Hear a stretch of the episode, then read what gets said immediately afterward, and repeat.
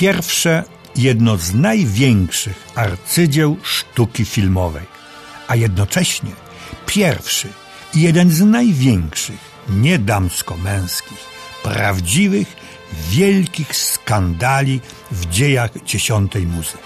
Czy takie połączenie jest w ogóle możliwe? Jest. I to jak? Przywołując z dalekiej, zamierzchłej, oddalonej o lata świetlne przeszłości, film amerykański z roku 1915. Narodziny narodu. Pierwszego geniusza tej nowej sztuki, Davida Worka Griffisa. Akcja toczy się przed, w czasie, do zakończenia wojny secesyjnej. Film opowiada o losach dwóch rodzin, reprezentujących oblicze ówczesnej Ameryki.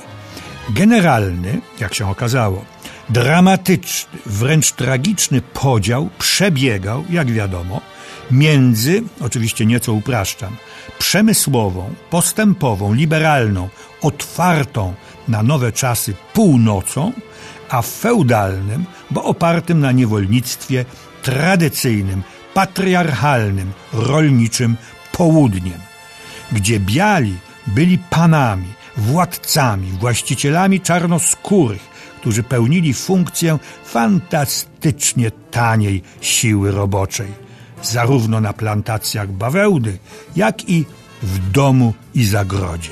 Zawsze i wszędzie. Traktowani byli w najlepszym przypadku protekcjonalnie i z łaskawą życzliwością. Warto może o tym pamiętać, szczególnie po wyborze nowego prezydenta Stanów Zjednoczonych. Ale wracam do filmu. Południe dąży do secesji. Północ prezydent Abraham Lincoln dąży do zachowania jedności i spójności młodego państwa.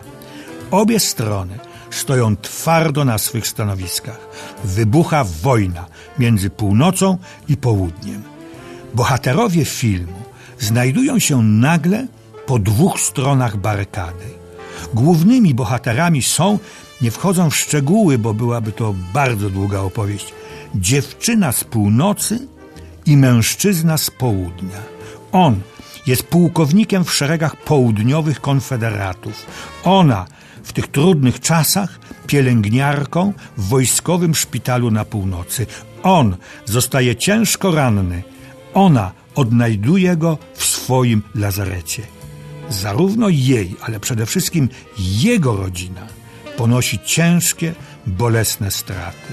Jak zachować swą miłość, prawdziwą, głęboką, jedyną, w sytuacji, kiedy wrogość, nienawiść zaczynają decydować i wyznaczać normy postępowania. Okrucieństwa wojny, z obu stron oczywiście, przekraczają wszelką miarę. Z jednej, jak i z drugiej strony ci z północy czują się panami sytuacji, zwycięzcami, natomiast południowcy organizują oddziały ochronne, to znaczy istniejące zresztą po dziś dzień, oddziały Ku Klux Klan. Ale jak to często bywa, to, co ma jedynie chronić, staje się samowolną, niekontrolowaną przez nikogo siłą agresywną.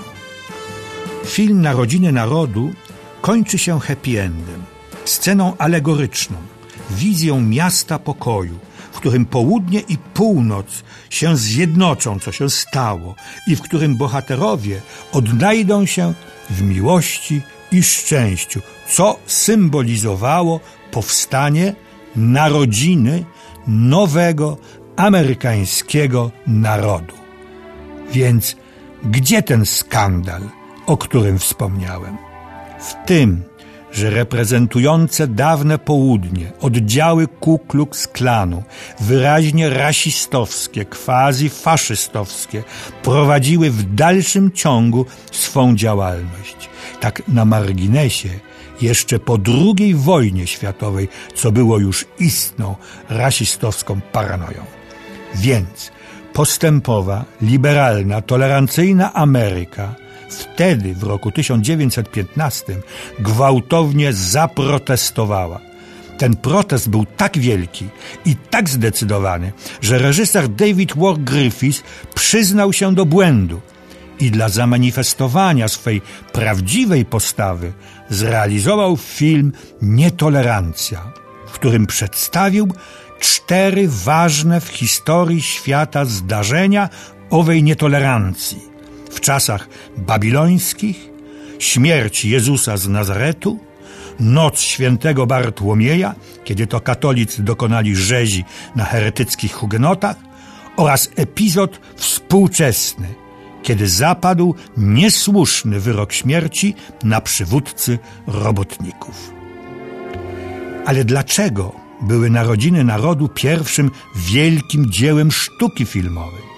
Ponieważ Griffiths zreformował system gry aktorskiej, zrywając ze statycznym, teatralnym sposobem gry, ponieważ uczynił z kamery narratora opowieści filmowej, czyli opowiadacza, ponieważ uznał, że niezwykle ważny jest rytm filmu, oświetlenie postaci, ruch kamery, na przykład jazdy, panoramy oraz zbliżenia.